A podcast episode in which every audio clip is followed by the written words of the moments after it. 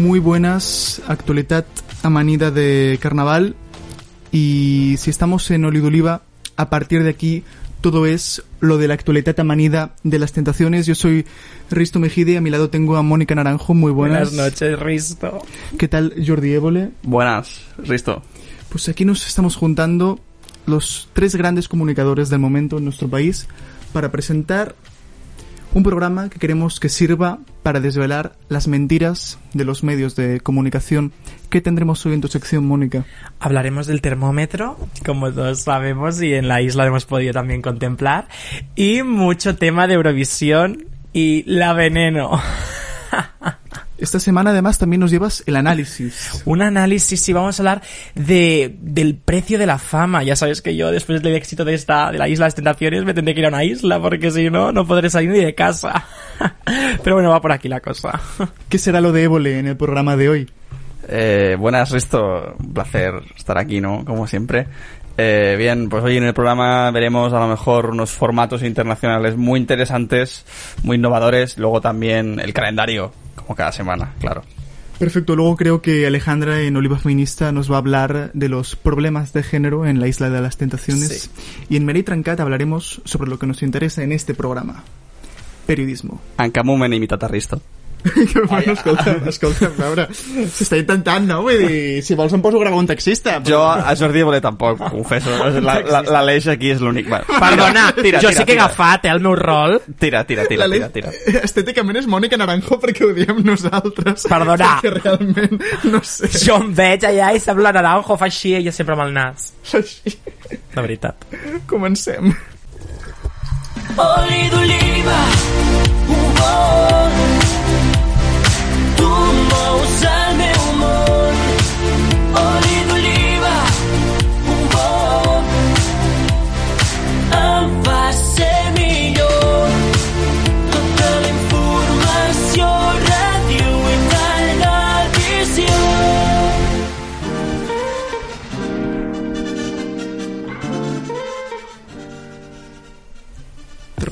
Què tal, com estem?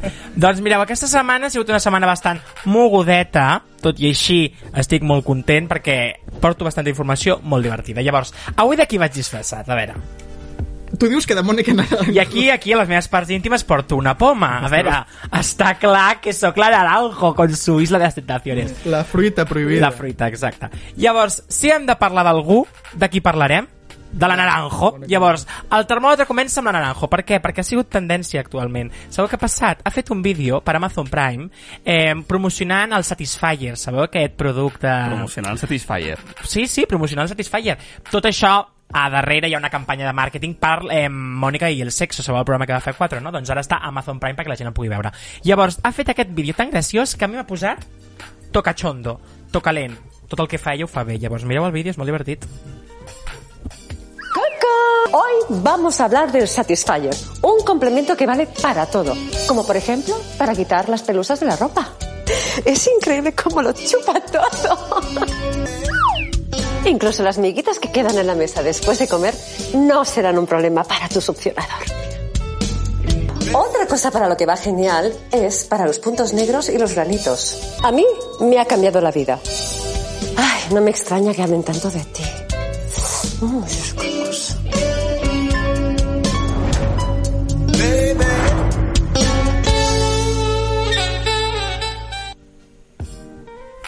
Bueno, espectacular. Mónica Naranjo ha sigut tendència amb la Isla de les Tentaciones i com no, no podria fer aquest anunci millor que millor, llavors no hi ha, ni- no hi ha ningú millor que ho pugui fer. Llavors, Podria felicitats, ser- Mònica. Podria ser de mi empresa de publicitat. Exactament, s'ha de dir. Sí. No sé si us agrada el vídeo, m'encanta, crec que és super original i d'alguna forma, doncs mira... A mi m'ha agradat molt perquè o sigui, és com aquests vídeos que fan ara per Paquita Salas, Netflix, com imitant els típics anuncis dels 90. De... Sí, no?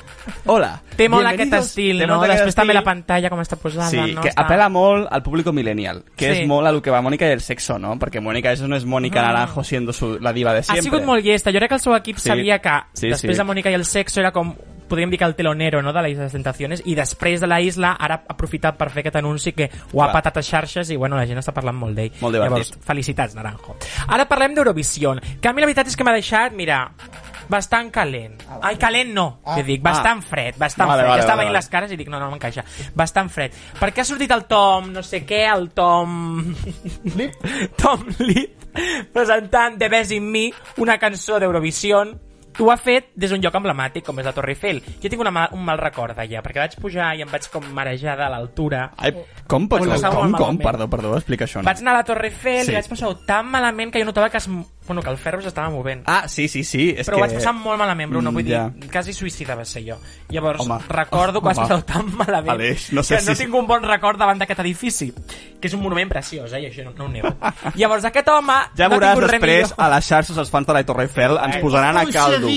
de subscriviu du canal. Per això tenim la Sagrada Família aquí, que ja està molt bé. S'ha de dir que, bueno, aquest home va pujar allà dalt de forma il·legal per les escales i es va posar a gravar el videoclip. És broma, no. Però bueno, que està molt bé el videoclip perquè està gravat allà dalt, però a mi la veritat és que no m'acaba d'atrapar. Ho trobo avorridot i és per presentar la nova cançó d'Eurovision en la candidatura de França. Si voleu el mirem i ho Sí. La chanson. Come on!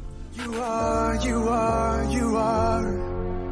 In every breath I breathe, forever eternally. You are, you are, you are. You are the best in me. J'irai au bout des sens. Faire voyager mon innocence pour qu'il donne vie à tout ce qu'on s'est promis. Bueno, han sigut els 30 segons pitjors invertits de la meva vida. No sé vosaltres que us sembla aquest vídeo, No. però ha sigut horrorós. El noi és soso com ell sol, com la Sí, pobra sí. sí. Torre Eiffel, pobret. Llavors, guanya per la Torre Eiffel, si guanya alguna cosa, perquè si no... El mítico Intensito Eurovisión. Horrorós. Però és que sobre la seva veu... Bueno, no sé... No si fos la Naranjo li diria que, bueno, que el diafragma no el tenia ben posat o que aquestes coses que fa ella, perquè sí. jo no tinc criteri, no? Però... Potser l'escenari està... O sigui, la cançó no està a l'altura És de molt l'escenari. cursi, Clar, també. molt tot, cursi. No? Ah, És, és maco el, el que deia, Sí. no? L'espectacle de posar-ho allà dalt, Sí. però la veritat és que no sé, no, no ha guanyat gens. No, no, no, no. No, no m'agrada gens. Llavors, anem a una altra cosa que em fa molta il·lusió, que això segurament tots i totes estem supercontents, de la sèrie Veneno, que ja tenim més detalls i a més a més tenim la data d'escena que és el 29 de març. Uh. Per qui no ho sàpiga, los Javis, Javier Calvo i Javier Ambrosi presenten aquesta nova sèrie de Cristina Ortiz, un, un, un, un símbol LGTBI d'aquest país importantíssim. Llavors, a partir de les vivències que va escriure ella un mes després de morir, eh, han estat publicades, llavors els Javis han un fet moment, una un moment. sèrie... Has dit un mes després de morir, Aleix. Un mes després de morir? Un mes passa? abans de morir. Un mes abans de morir, No? perdoneu. Clar, no el va poder escriure morta, clar, cert, la perdonin. Llavors, eh, un cop això estava escrit, llavors van decidir fer aquest magnífic, aquesta magnífica sèrie de 8 capítols de 50 minuts i aquí tenim un teaser que crec que és molt maco. Mirem-lo. Mamá, oh mamá, siempre igual, siempre igual. Deja de tratarme como a un niño, por favor. Tienes que aceptarme como soy. Doncs a mi i a tots els fans d'aquesta sèrie i, de, i de, del que fan els Javis ens Que ha posat meravella, cachondo que perdido, meravella. Llavors, calent per ells i la veritat és que està molt bé i que apunta moltes molt bones maneres. La mirareu o no, la Sí, sèrie? a sobre m'agrada perquè, o sigui, és aquestes sèries dels Javis que van a un públic molt majoritari, que no és només el que veurem els Sí. que ja estem convençuts d'això, sinó que segur que això ho veu molta gent d'Espanya que necessita veure una història així. Exacte. Però a 3 Player Premium, molta Sí, és gent un- d'Espanya... Ja, no. és un- ah, és vale, un- només estarà a 3 Sí. Player Premium. Què? ho he dit. Només? Sí, sí, és un, no, una no pua. serà en obert? No. Bueno, però amb el més gratis, jo crec. Clar, Bruno, et fas una sessió... Que làstima, no? Clar. Amb la bona pinta que té aquesta sèrie. Però no? després la faran per Antena 3 Si seguríssim. no, segur Sí, que a no? YouTube... Vale, vale, Si no, vale. que, si, si no, que segur que YouTube hi ha imatges No, d'aquestes. no, no, no. Pirata no, pirata no, pirata no. Televisión transversal. Si no, cada buscar por el que du la naranjo. Hay más imágenes. Para Hay más imágenes, miremlas. dado un paso para esclarecer si era verdad o mentira su información. Ni uno. Como periodista, yo creo que deja mucho que desear. El afán de protagonismo de Lidia Lozano le ha pasado factura, le pudo el foco. Ella se cree su propia, sus propias historias Creo que no tiene ni el título. y a la verdad le importa un pimiento. cuestionándome cosas que si soy periodista o no soy periodista. ¿Y qué me vas a hacer la prueba del número? La fuente. Sí, no se puede hacer. Perdón, perdón. Sí, no se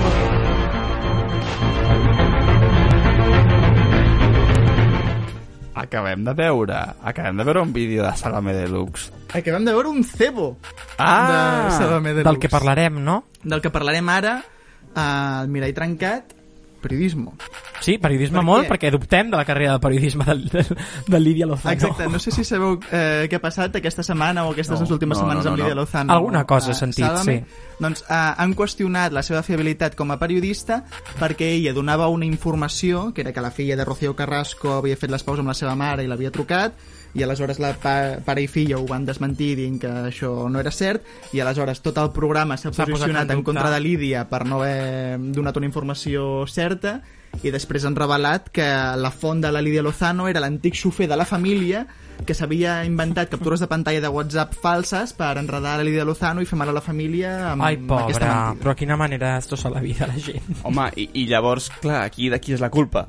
Clar, aleshores, qüestionen a Lídia Lozano per, en primer lloc, mala praxis periodística, després diuen que no té el títol de periodista, això també em sembla un punt interessant. Uh, Bueno, Ana Pastor també tampoc el té, eh? Ahí lo dejo. I després per tenir afany de protagonisme.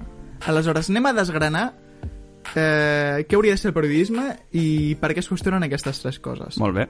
primer lloc, diuen que té mala praxis periodística. Aleshores, és molt interessant que això ho plantegin en un programa que és de premsa del cor, Sí. que en general és un gènere doncs, que parla de la vida privada de les persones, que Mhm. de vegades és una mica premsa groga, hi ha els tabloides britànics, que a mi em fascina, que de vegades The les Sun, portades no? són molt còmiques. Sí. Exacte, The Sun. Sí. Aleshores, clar, és molt interessant que es plantegi la professionalitat periodística justament en aquest gènere. Però després, què ha fet malament Lídia Lozano? Doncs això. ¿Contrastaste la información de alguna manera? Sí. Lidia dice que sí, Conchita, ¿qué dice el poli deluxe? Miente. Mira, mira, la, la cara de Lídia, eh? Increïble. Aleshores, clar, què va fer malament Lídia Lozano Perdó, com a és el periodista? primer cop que veig un vídeo del, poli, del poli... No ho havies vist mai? No ho havia vist mai, però és una meravella. La pantalla Molt divertit. partida, la música, com és normal que estigui tots els iaios enganxats a això. Bueno, i no tan Com s'ha de iaios. dir, jo empatitzo una mica amb la Lídia, eh? Qui no ho ha fet en un treball de la uni? Home, sí, però veus... clar, Lídia Lozano s'ha cregut la font i no l'ha contrastat. Jo... Clar, aquí ha fet malament, ho ha Sí. fet malament, això és cert, Clar, jo estic estudiant comunicació audiovisual, el que fa periodisme S'ha és de- l'Aleix, però jo Clar. crec que el que diuen a la universitat és que com a mínim has de contrastar amb tres fonts diferents, no?, la informació. Totalment, i mirar la aleshores. informació i contrastar les diverses opinions també de la gent respecte a aquesta informació. Potser va tenir la... Jo, vaig... jo crec que va tenir caramelet a la boca i va dir no el puc deixar anar, l'haig de dir, perquè si no me'l trauran. I com aquest programa estan tots comunicats entre ells, sabia que potser aquesta informació anava a caure a mans de Kiko, de, de Mila, i per exemple ella va, ella va dir jo el vull jo, la vull jo, i potser se li va anar una mica a les mans, això sí que és cert. És que jo crec que el programa de Sálvame fomenta que els periodistes no contrastin la informació perquè són moltes hores de directe amb el mòbil sobre la taula. Sí, bueno, si va passar un cop que, perdó, em, com es diu, aquesta Patiño va estar llegint un, un missatge en directe i després va dir, sobre todo no leas esto en público, va dir, ups, perdó. és a dir, que és un programa on, on, on ho, ho viuen tant a flor de pell i no estan al 100%, estan als 500. Llavors, que és impossible mantenir un, dic, vull un dir, estil. crec que Sálvame justament és un programa on es fomenta bastant portar-ho Clar, a mi em sorprèn que Vull tot- dir, Sí. exagerar-ho molt tot, de vegades ficcionar-ho una mica, Clar, a no? mi em sorprèn que les posin en aquest rol de, Sí, del no? periodismo bien hecho, perquè Sí. jo no dic que no facin bon periodisme, només que ells fan un periodisme que els agrada molt el rumor, que Clar, els agrada molt exacte. els cotilleos, perquè són els exacte. primers que quan van a casa d'algú, a les portes d'algun lloc, diuen llevar zapatos tal, puede ser que ese día no tuviera... A veure, ara s'estan sorprenent amb aquesta informació. Em sobta que s'hagin posat mi, també molt durs amb ella, jo, eh? la meva teoria, que tampoc veig salvar-me la veritat, però crec que és que justament aquesta polèmica periodística, diguem-ne, Mm. és una trama Sálvame. És ja purament sal, sal... Potser han generat Sí, però no és el primer cop que li passa, perquè la No. Lídia Lozano, precisament, va estar molt qüestionada quan fa Sí. uns 20 anys va dir que la filla d'Albano i Romina Power estava viva... Qui quan- són aquests quan dos, aquestes dues persones, Sergi? Cantants de Felicitar. Ai, jo, però... Uns cantants famosos dels 90. Vale, sí, vale. jo sé quines són. En fi, anem avançant. També la qüestionen per no tenir el títol de periodista. A veure, això és molt llet. No, aleshores, la meva pregunta és, importa que no tingui el títol de periodista? Perquè sí, tenim responsabilitat social, hem de donar informacions curoses, però no som metges. Per tant, jo crec que ens podem permetre el luxe en la nostra professió d'adquirir el coneixement a partir de l'experiència i no només a partir de l'acadèmia. Per exemple, Ana Blanco porta 30 anys al telediario i és llicenciada en pedagogia. Ahà. Només va estudiar dos anys de periodisme. Totalment, si és que, perdó, el periodisme al cap i a la fi no deixa de ser una carrera de, de més a més, és a dir, expliquem-nos, tothom pot ser periodista, les persones que estem al carrer, la gent que debat, la gent que té una opinió pròpia, la gent que, que sap contrastar, doncs això, informació, no creure's les coses a primeres, està exercint un rol de periodisme. Tu pots, ser- tu pots ser un periodista de carrer, de que t'agrada la informació, t'agrada contrastar, t'agrada informar-te. Al cap i a fi no deixa de, de, no deixes de ser una persona que t'ha d'agradar la informació. Llavors jo crec que potser és una mica agafat amb pinces. També em sorprèn que ho digui el Kiko, eh? Una persona que té pinta de ser una persona amb una gran carrera periodista al darrere, també. Llavors, Què és el que he fet jo? He anat a veure què demanen els col·legis de periodistes per poder-te mm, eh, acreditar com a periodista i per poder-te inscriure com a membre col·legiat del Col·legi de. Periodistes. Depèn de la comunitat autònoma. Mm. A Catalunya som dels més flexibles perquè tu pots col·legiar-te com a periodista tenint qualsevol grau universitari, has d'estar graduat, això sí, mentre acreditis que tens dos anys d'experiència com a periodista. Per tant, exercint, no?, la si tu fas periodisme, ets periodista, cosa que em sembla molt lògica i molt coherent. A Navarra, per exemple, poden fer la vista grossa i si acredites també professionalitat, antiguitat i continuïtat en l'exercici, es reuneixen i, cas per cas, miren si et poden acreditar Està o no. A la resta d'Espanya no, són més exigents. Aleshores, a la resta de comunitats has d'estar graduat en periodisme, en ciències de la informació o en comunicació audiovisual. Mhm. En salvaríem. Bruno, cosa que... Podríeu anar a aquelles comunitats. Alright. M'alegra. Però he buscat, per exemple, eh, col·legis de periodistes del Regne Unit i allà només et demanen que treballis en un mitjà de comunicació. Ah. Per tant, aquí en alguns llocs són més flexibles que altres. En fi, una reflexió. Si Sí. Totalment, perdoneu, i deixa'm fer un petit apunt. Em, és cert el que dieu i em sembla molt bé, però sí que també és cert que també a vegades potser es desvalora una mica la professió de periodisme en, en, en aquestes circumstàncies, en el sentit de si realment no cal tenir la carrera de periodisme per exercir de periodisme, de periodista, perdó, també deixa una mica en banda les persones que estan estudiant periodisme, és a dir, també se'ls ha de tenir un pèl de reconeixement, és a dir, que no crec que sigui just, per exemple, que hi hagin dues persones, una que no ho sigui, una que ho és, i que agafin a la que no ho és, per exemple. O sigui, també hem d'anar amb cuidado amb aquestes coses, perquè les excepcions també formen a vegades A injustícies. veure, evidentment, la carrera de periodisme et dona unes eines excepcionals que jo les t'envejo i algun dia em passaràs els apunts. Sí, sí. I passem al tercer punt. Diuen que té feina de protagonisme, aleshores. Això també és interessant. Ah. Però a és veure. periodista, però també ha de donar espectacle en el millor dels sentits. Per tant, sí que ha de Sí. ser una mica de personatge. Jo, clar, jo també he de dir no, que uh, periodisme és una etiqueta. O sigui, al final, Clar. què és periodisme? Ja per molta gent, periodista, periodista és aquesta persona que contrasta fonts, que investiga, que eh, vigila el poder, però per molta altra gent el periodisme, per exemple, el periodisme cultural, no, és donar una opinió sobre una pel·lícula. Clar, i llavors Això també... no té per què ser eh, una cosa racional, lògica, contrastada a les fonts... Mira, doncs, Bruno, això em porta a l'últim punt que jo tenia preparat. Oh, que bé. Que és que m'agrada molt que, jo, que això hagi sortit a un programa de periodisme del cor perquè significa que és un programa de periodisme del cor però que és exigent. Aleshores, això m'agrada molt perquè els companys de l'Ida Lozano han exigit professionalitat encara que potser per fer espectacle, com tu deies, i per Sí. generar una trama, però han trencat un tòpic que a mi em molesta molt, que és que les úniques branques serioses del periodisme siguin la política i l'econòmica. Cert. Molt bé. Jo des d'aquí vull reivindicar que hi ha més branques, la cultural, com nosaltres, que tractem televisió, cinema, música, teatre, etc. els esports, els successos, Sí. la tecnologia, ciència, salut, gastronomia, natura, viatges, moda, etc. I tots fem periodisme I bon periodisme. i tots tenim una importància social per explicar a la gent les coses que li importen. Pam! I vull acabar amb aquesta frase de Josep Cuní. Hi ha una definició de periodisme que jo he fet meva, que és de l'Eugenio Scalfari, el periodista italià eh, fundador de la República. Periodisme és explicar-li a la gent allò que li passa a la gent. A partir d'aquesta premissa, el periodisme en sé no pot estar mai de crisi, perquè a la gent sempre li passen coses. Hem de ser capaços de saber-li explicar. I hem de ser capaços d'adaptar-nos a les noves tendències, d'explicar-li, de com explicar-li, que són les tendències que marca el mateix públic de com ho vol rebre.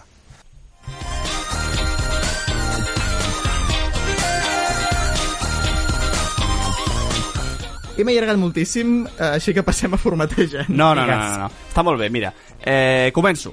L'altre dia us vaig portar un tema bastant profundilló. Eh, vaig fer aquí una tesis doctoral, eh, la turra, sobre que si YouTube, tele, què tal... No, avui, ligerito, avui estem... Avui toca ensalada. Eh? L'altre dia... Hoy no cenamos. Hoy, hoy, hoy ceno una manzana. eh? també és aqu aquesta frase de madre, no? De hoy, hoy, hoy, hoy hice una manzana.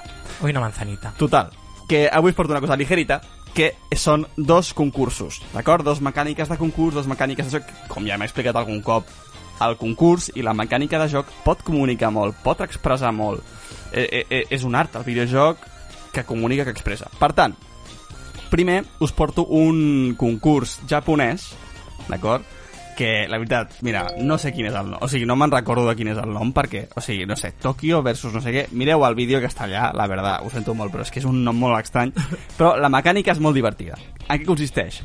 Concursants famosos, còmics, van a un plató on hi ha muntats diferents sets que imiten espais de la vida quotidiana com una casa, com un cotxe o, o objectes quotidians i el repte està en saber si aquests objectes o aquests espais són caramels o xocolata o són objectes reals. Amigo. Llavors el que fan és, miren, per exemple, unes sabates i prèviament han de decidir si això és un pastís, xocolata, caramel... comestible o si és no, comestible o si és un objecte, pues, normal. A sobre està molt bé aquest programa perquè fan com t'ensenyen com els pastisses ho fan. O sigui, és com una, un gir en aquests tipus de programes de pastisseria, no? De... Però després, l'espectador en aquell moment clar, no sap. no ho sap. També clar, clar, clar. Llavors això, concursant. el concursant ha de decidir abans de fer-ho i si ha dit que sí que ho és, el que ha de fer és donar-li una mossegada a l'objecte aquest. Està bé. Així que ho mirem. Jo sospito Sí. que això és com les mones de Pasqua i tu notaràs quan és xocolata i quan és una sabata de Sí, veritat. no ho sé. Però anem a sortir de dubtes.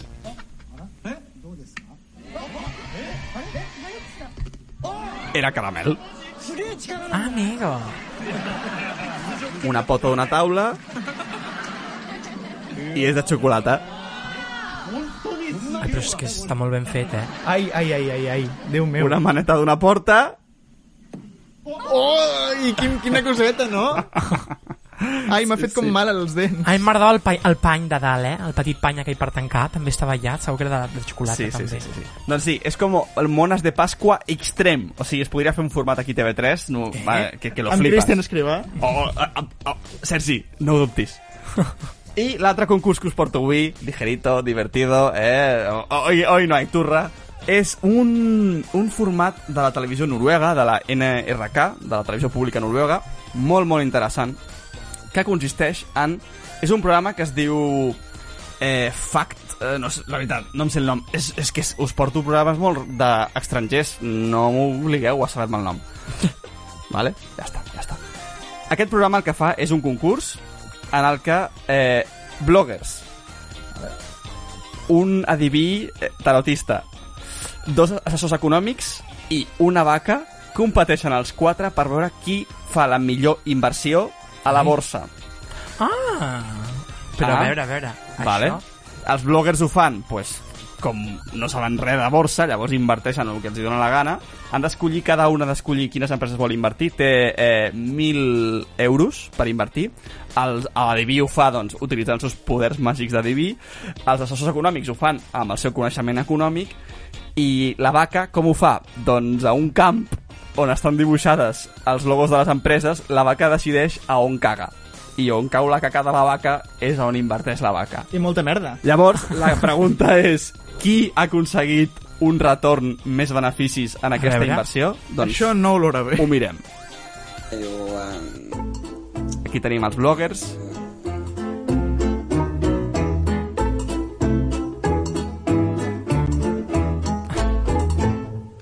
Aquí és la Diví, que estan escollint empreses de, del mercat noruec. I aquí està el camp de les vaques. Clar, els bloggers diuen, ai mira, una empresa de creuers, vaig invertir aquí, m'encanta. Els assessors econòmics amb el seu coneixement del mercat. I la vaca cagant. Qui ha fet el millor resultat?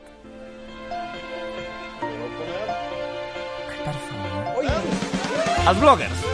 Els bloggers, millor resultat. En segon lloc està la vaca. I en tercer? En tercer, els assessors econòmics i en quart, el, el senyor Diví. Mare Però meva. és molt guai, perquè aquesta mecànica de joc, aquest format, al final el que està comunicant és aquesta idea de realment el mercat és una cosa... O sigui, aquests assessors econòmics, aquests bancs, poden assegurar una seguretat a les inversions de la gent? Sembla que no. Sembla que no, sembla Estan que, equivocats. que la, aleatori- la aleato- aleatorietat Eh, ahí està. és un factor molt més important que qualsevol tipus de predicció possible en una inversió econòmica. O sigui que reflexionem sobre el nostre sistema econòmic gràcies a aquest format. Que fa cagar una miqueta, aquest Sí, efectivament. Hola a tots, arbequins i arbequines, i benvinguts una quinzena més a Oliva Feminista. Com ja sabeu, jo sóc l'Alejandra Sánchez i vinc a portar-vos tota l'actualitat dels mitjans de comunicació i la cultura en perspectiva de gènere. Avui vinc a parlar-vos de La Isla de les Tentaciones, que és un dels realities, m'atreviria a dir, més exitosos de l'any. Jo crec que ha estat una sorpresa, eh, almenys per mi ha estat una sorpresa que, que aquest format, que és una mica que no té precedents a Espanya, doncs triomfés d'aquesta manera i concretament vinc a parlar-vos d'una entrevista a la seva presentadora, Mónica Naranjo, que va ser publicada pel diari El País el passat 15 de febrer. L'entrevista mm, és curiosa, cuanto menos, i vull destacar dos fenòmens d'aquesta entrevista. El primer d'ells és el titular. El titular és Mónica Naranjo, dos puntos, La isla de las tentaciones és un programa feminista. Amb aquest titular, o almenys el que a mi m'han ensenyat a la facultat, tu suposes que gran part del contingut, si no tot el contingut, es refereix a la Isla de les Tentaciones i al feminisme.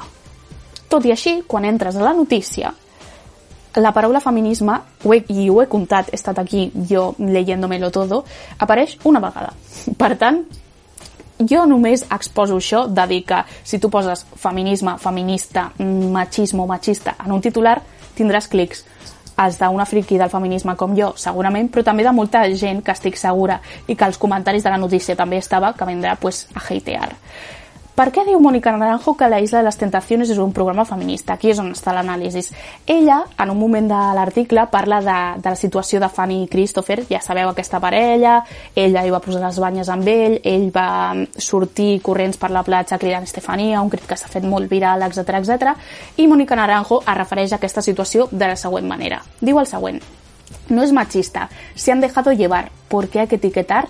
Nos ha sorprendido que hayan sido los hombres los infieles y que las que han roto el patrón hayan sido ellas. Es lo contrario de machismo. Ha sido un programa feminista. A veure, jo estic d'acord en la part de que quan normalment pensem a les parelles tradicionals, és a una parella monògama, eh, heterosexual, normativa, sí que pensem que el infidel, o gairebé hem pensat l'infidel, com la figura masculina d'aquesta parella, també perquè tradicionalment o hi ha hagut menys infidelitats femenines o no s'han explicat tant, perquè quan un home té sexe amb moltes dones és un campió i quan una dona té sexe amb diferents homes és mm, una puta, i ho dic així clarament. Per tant, en aquesta banda sí que estic d'acord. Sí que és cert que jo crec que el que no és feminista i està a les antípodes del feminisme és el fet de que la, de la campanya, és que no, no, no sabria com definir-ho, però de la campanya de hate i realment de, de, de bullying, m'atreviria a dir, de mm, assetjament fins i tot, que han viscut, per exemple, figures com la de l'Estefania, que actualment doncs, doncs és la, la dona més odiada d'Espanya quan fins i tot la seva parella l'ha perdonat. I molta gent està qüestionant relacions personals, per exemple la, la de l'Estefania i el Christopher, quan no som ningú per ficar-nos a la vida privada i a les relacions sentimentals de ningú. Per tant, si ella vol perdonar, deixem-lo que faci la seva vida. No som qui per ficar-nos en la vida personal d'altres persones. Per tant, jo crec que això és tot el contrari del feminisme. No sabem la situació d'aquestes persones, no sabem quina relació tenen, si és una relació oberta, si no, si a partir d'aquí s'han plantejat coses. Per tant, jo crec que dir que Isla de les Tentacions és feminista és molt agosarat i crec que el que sí que s'ha de, de parar ja és aquesta campanya de hate que hi ha contra moltes de les concursants que si us fixeu sempre són les dones. Per tant jo deixo aquí la reflexió us la trasllado a vosaltres com sempre companys i el que sí que us trasllado també és com sempre un besote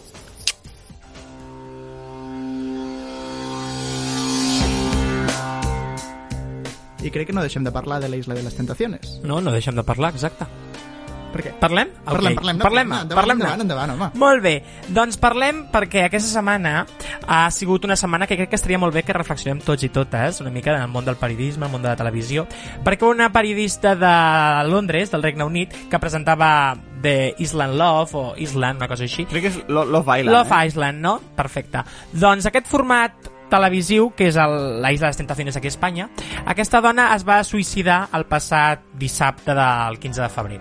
Llavors la cosa és, eh, hi havia al darrere molt, molt tema no? que parlava sobre les grans pressions que aquesta dona va rebre a causa també del format, eh, molts concursants també, dos d'ells, un noi i una noia també, en la retransmissió del concurs es van suïcidar en els últims 20 mesos Uau. dins de la Isla de les Tentaciones. Llavors s'ha obert un debat al Regne Unit de quin és el límit d'aquest format, no? perquè aquest format hem de dir que portava relativament poc i, i ha sigut dels que, bueno, tres suïcidis en menys de 20 mesos és bastant espectacular. Llavors, quins són els límits de televisió, no? Eh, vam parlar una mica la setmana passada sobre els temes del el promaitat, però jo no em fixaria tant en això, em fixaria més en quina responsabilitat tenim nosaltres com a públic i a vegades aquestes pressions que reben els presentadors, en concursants, col·laboradors, qui vulguem, que estigui dins del programa, si aquestes pressions que reben són a vegades a causa de les nostres facilitats, no? de poder rebre l'insult, de poder enviar l'insult al, al segon a través de Twitter, de bueno, perseguir-los pel carrer, em, quin és el límit no, del fenomen fan que hi ha al darrere d'un programa i si som nosaltres responsables també de que tot això estigui passant. S'ha de dir que al Regne Unit s'ha obert un debat i s'ha parlat sobre la nova generació en suïcida, perquè a Londres hi ha, bueno, hi ha gent de 30-40 anys que són les edats que han marcat on hi ha més suïcidis en els últims anys. Llavors s'ha obert un debat de quin és el límit de televisió i sí, és una gran influència per nosaltres i per la gent que el fa. Llavors, què penseu, nois? Sí, perquè ho entengui bé, aquestes persones que es van suïcidar, aquests concursants de Love Island, va ser per la pressió del públic. Va dius. ser, bueno, es parla molt de la pressió del públic, però també es parla de, bueno, una mica de, de, del, bueno, de, de com és la televisió, no? de que t'ho dona tot i després et quedes amb res. Llavors és una arma de doble fil, la televisió, és a dir, Vale. un moment ets molt conegut i en un moment no ho ets. Es parla sobretot de problemes econòmics que han tingut, és a dir, van sortir del programa, m'imagino, amb molts bolos, amb el que fan, bueno, el Christopher i aquesta amb malalts de festa cada dos per tres. Llavors, amb els bolos, amb televisió, amb tal, tot això genera benefici econòmic, però quan et deixen de trucar per parlar sobre el teu propi reality i ja no saps què fer perquè potser no tens estudis o potser no tens facilitats per accedir a una feina, quin és el punt, no?, en aquesta persona mm. Va decaient, llavors es parla això, no?, que hi havia problemes econòmics sobretot al darrere i per això va provocar el suïcidi. No està gens justificat, clarament. I després el cas de la presentadora, també, tota la controvèrsia que va haver al darrere, també, bueno, aquesta noia tenia problemes perquè el març es anava a presentar als jutjats perquè estava acusada d'agressió al seu marit. Llavors, tot això també s'ha portat, a la vida privada d'ella s'ha portat també en, el, en, en la vida mediàtica. Llavors, per això no em centraria tant dins del format de la isla, perquè tot, tothom el coneix, sinó parlaria més sobre per exemple, aquesta noia amb l'èxit que ha tingut va parlar de la seva, de la seva vida, es va obrir tot el debat de, del seu marit, es va portar tot al públic, llavors quin és el, el punt no? que el públic hem de seguir i no ha de Clar, seguir? jo, a mi el que em passa és que, clar, entenc per una banda que aquests formats no, juguen ja directament amb això. O sigui, ja és portar la vida privada d'unes persones a la vida pública. Vull dir, ho fa Operació Triunfo, també. Directament. Sí, sí, no deixa de ser un format igual. Sí, sí, és exactament el mateix. Clar, què passa? Jo crec que aquí el problema no és tant eh, el públic en si, que sempre el públic estarà àvid d'informació personal de la gent, d'històries personals de la gent. Això sempre serà així perquè som humans i ens interessen les persones. Crec que aquí on qui s'ha de regular o qui s'ha de moderar és més els mitjans i en com tracten aquestes persones que s'exposen. O sigui, que una persona s'exposi no significa que sigui un una animal de zoo i que tu puguis fer amb aquesta persona el que vulguis, exposar-la com vulguis. No, no, no. Aquesta persona... A, aquest, això és, és com una relació sexual. Ha d'haver-hi consentiment 100% de la persona exposada i de la persona que exposa. O sigui, ha d'haver-hi aquí un tracte que si no està molt clar, aquí la liem parda. Perquè, clar, tu veus després els titulars de la premsa groga i dius... Us passeu, us passeu. Ara, eh, crec que ha sigut la revista que me dices, ara que deies això, Sí. que s'ha reformulat i ja no inclourà comentaris criticant a les celebritats. Sí, eh, comentaris... O Cuore, no sé quina de sí, les dues era. Em Cuore, sona, Cuore. vaig Cuore. dir-ho, que, que, que, deixaran de a fer mm, comentaris sobre el físic, no?, dels Bueno, famosos. Cuores, que ha sigut del, en els últims anys ha sigut de les revistes amb, que, bueno, que tenia més el, els, els ulls fixats amb, Ja. físic, amb Sí, comentaris, oi? no? Ja, com de- Bueno, és el que venia, és el que venia aquesta... No Clar. sé què vendrà ara la revista Cuore, perquè Clar, realment clar, tothom la comprava per veure els comentaris que a tothom els feia molta gràcia. Ja. Clar, jo aquí penso també que això ens serveix una miqueta per relativitzar eh, la fama, no? Que Exacte. és una cosa que ens il·lumina moltíssim i després resulta que era una merda arrebossada en purpurina. Totalment. La, amb la fama, jo aquí recomano molt un vídeo d'Outconsumer, que és un youtuber que a mi m'agrada molt. Outconsumer té un vídeo que es diu... Eh, ostres, ara no recordo com es diu, però eh, vale la pena la fama, o és una reflexió que fa ell sobre la fama. Ell és un youtuber que va assolir un cert nivell de fama, té 800.000 subscriptors, per tant, pot, ho pot dir de primera mà. I ell el que diu aquest vídeo, mireu-lo, mireu-vos-lo, però el que diu bàsicament és que la fama no és l'important, o sigui, una persona que s'exposa no. no és, el que busca no és la fama sinó l'admiració. És a dir, que el que tu fas sí.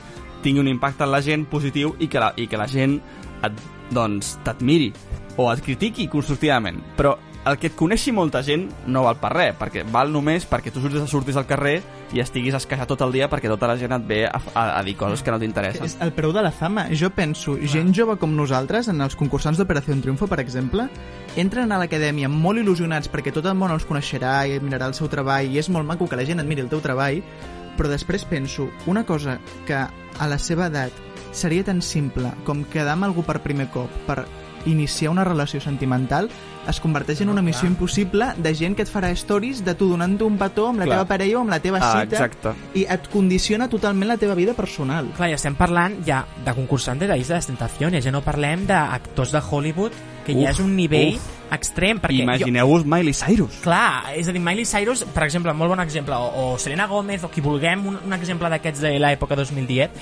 són personatges que mai han tingut una vida normal. Perquè no deixen de tenir una vida diferent. I és així, això ho hem d'admetre. Això de, no, jo llevo una vida normal. És impossible. Ets Miley Cyrus. Llavors la gent ja no et veurà com una persona normal. És a dir, una persona que conegui a Miley Cyrus anirà ja d'una altra forma perquè ja té un precedent d'aquesta persona, ja té una idea concebida de ostres, Miley Cyrus. I crec que ningú es tracta, ja no són persones normals i ningú tracta com una persona normal. Això també crec que psicològicament et deu afectar molt.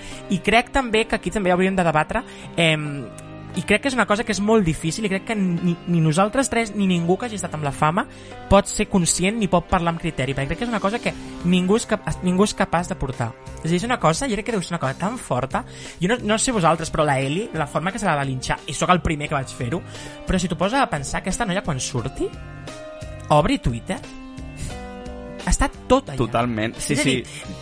Perquè no som conscients, jo crec sí, que sí. mentalment això et deus crear una olla Sí, Billie Eilish, de fet, ha dit que fa Aquesta noia, molt poc 17 temps que s'ha esborrat Instagram perquè llegia els comentaris Clar. l'estava induint a voler suïcidar-se. És, Clar, que clar, és clar, molt clar, greu clar. això, Clar. també. Quina és la nostra responsabilitat com a consumidors de l'art de no Totalment. fotre la vida de I, i l'artista. ja tots cantants, sóc el primer, Sí. quan anem als hotels, quan els perseguim. Sí. Em, Gent que anava és a la feina de Christopher a cridar-li Estefania. Sí, sí, que és molt fort, que és, Que, que és en, molt en, fort. quin moment premeditadament busques on treballa Aquest noi noi, una vida, té decideixes uns quedar amb els teus amics per personals. anar a cridar-lo, agafes un bitllet de metro, piques, te'n vas fins allà... És que Bueno, i després, és un procediment molt conscient, eh? Desgraciadament, tots els aquests cantants famosos que acaben, com acaben, bueno, com diuen la generació del 27, generació del 28, que no sé quina és exactament, Sí, sí, on sí. molts cantants moren, Amy Winehouse, la filla de Whitney Houston, vull dir, Perquè no pots tenir una vida sana No. sent tan, tan, tan, tan, tan conegut i amb un públic és salut tan mental, exigent eh, amb la teva vida personal, no amb la teva professió, amb els teus continguts. Sí, jo també...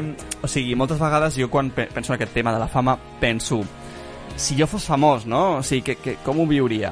I penso, no, veure, És que no sé, no estem ni capacitats per Al final, mira, no sé, són comentaris negatius de la gent. A mi m'importa una merda el que digui la gent de mi, que és el que tots diem, no? A mi no m'importa el que digui la gent, però clar, imagineu-vos per un moment que estàs en una sala i que eh, a, durant una tarda venen mil persones i cada una et diu a la teva cara el que pensa de tu que segur que és un comentari super odiós i deshumanitzat.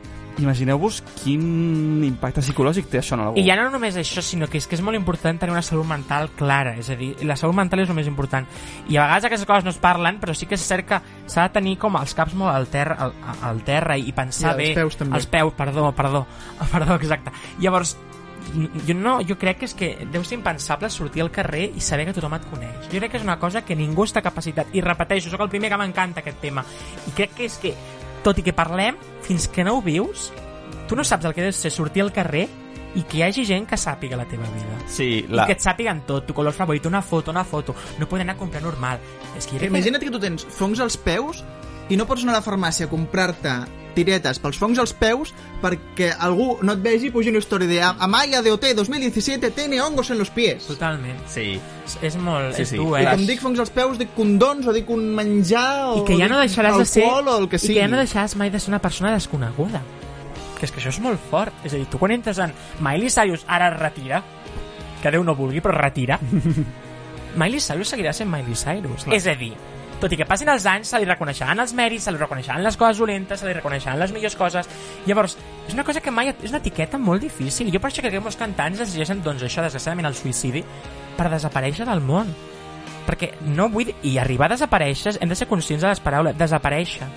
Molt fort, eh? Llavors jo crec que, sobretot el que hi ha d'haver, salut mental i control per part dels espectadors, que a vegades se'n va molt de les Sí, mans. és I això. també s'ha de dir Jo que les productores ens ho posen molt fàcil tot. Perquè fins i tot el fet de que a Supervivientes puguem escollir quin és el càstig que rebin, quin és em, el benefici que rebin, això, de manera indiferent, indiferent, de manera directa o no, Sergi segueix sent en una els, forma... els concursants de reality no sé jo si ho pateixen tant, encara que aquest cas de l'Isla de les Bueno, és Tentacions és, a molt part. Perquè eh, si ets un concursant molt famós de Gran Hermano 34, arribarà un Gran Hermano 35 i la gent s'oblidarà dels concursants del 34. Sí, però- Sobretot en realities que ja estan eh, molt franquiciats, que li dic jo, i, Sí. i cada any surt una nova edició. Com, Però no deixes de ser una cara fotocòpia. pública. És trist, però no deixes de ser Però una qui cara se'n pública. recorda de qui sortia GH10?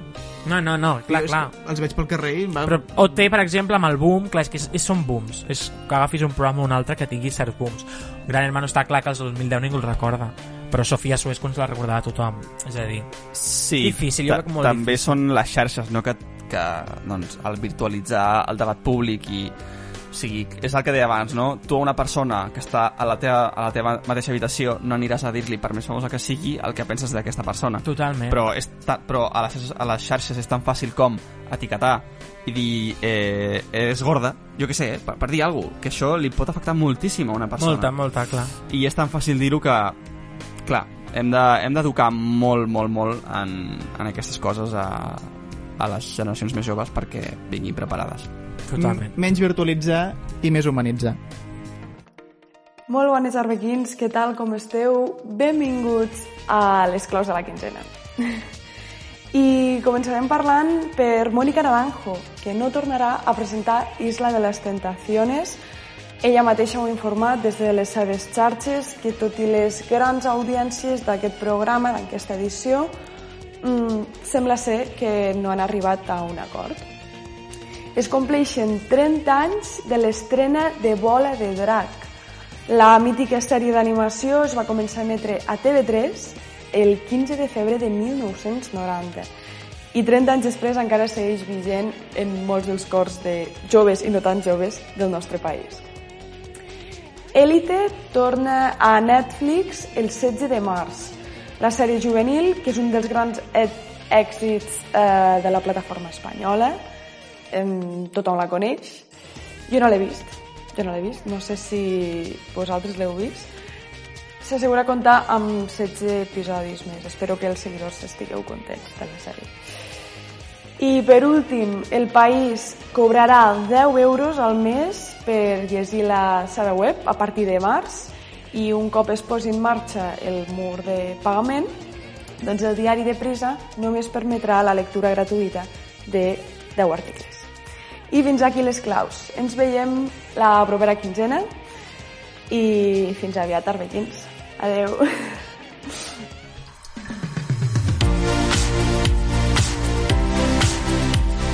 El que sí que podem virtualitzar és el nostre calendari per compartir-lo amb tots vosaltres, Aleix, que viu... Doncs jo recomano, mira, ara s'apropen els carnavals i Televisió Espanyola, Canàries i tot el que estigui fent-se a Canàries és bo perquè està fent-se la Gala Drag Queens, s'està Oh, també fent sí. els festivals, ai, els carnavals, perdó, amb les carrosses, amb els magnífics vestits de nois i noies, llavors us recomano que mireu, que us empapeu d'aquesta programació perquè està molt bé, la podeu trobar a internet i a través de Twitter es poden veure els canals en directe de tota aquesta festivitat en maca. Bruno? Telepública a tope. Eh, jo recomano Sonic.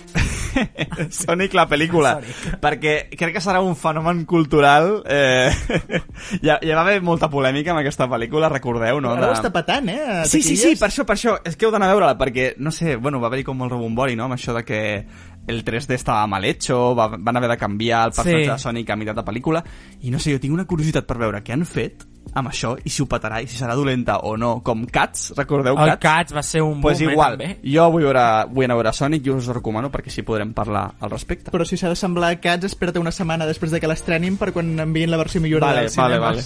Sí. Jo us recomano 28 de febrer estrena de la segona temporada de Virtual Hero a Movistar Plus, la Ah. sèrie de El Rubius. De moment som l'Alice Manzano, el Bruno Gallardo i el Sergi Cano. Us hem portat l'actualitat amanida d'aquesta quinzena i us esperem la quinzena que ve. Adéu-siau. Volíem ser arbequins, fluir com l'oli d'oliva. Teatre i música, l'actualitat amanida.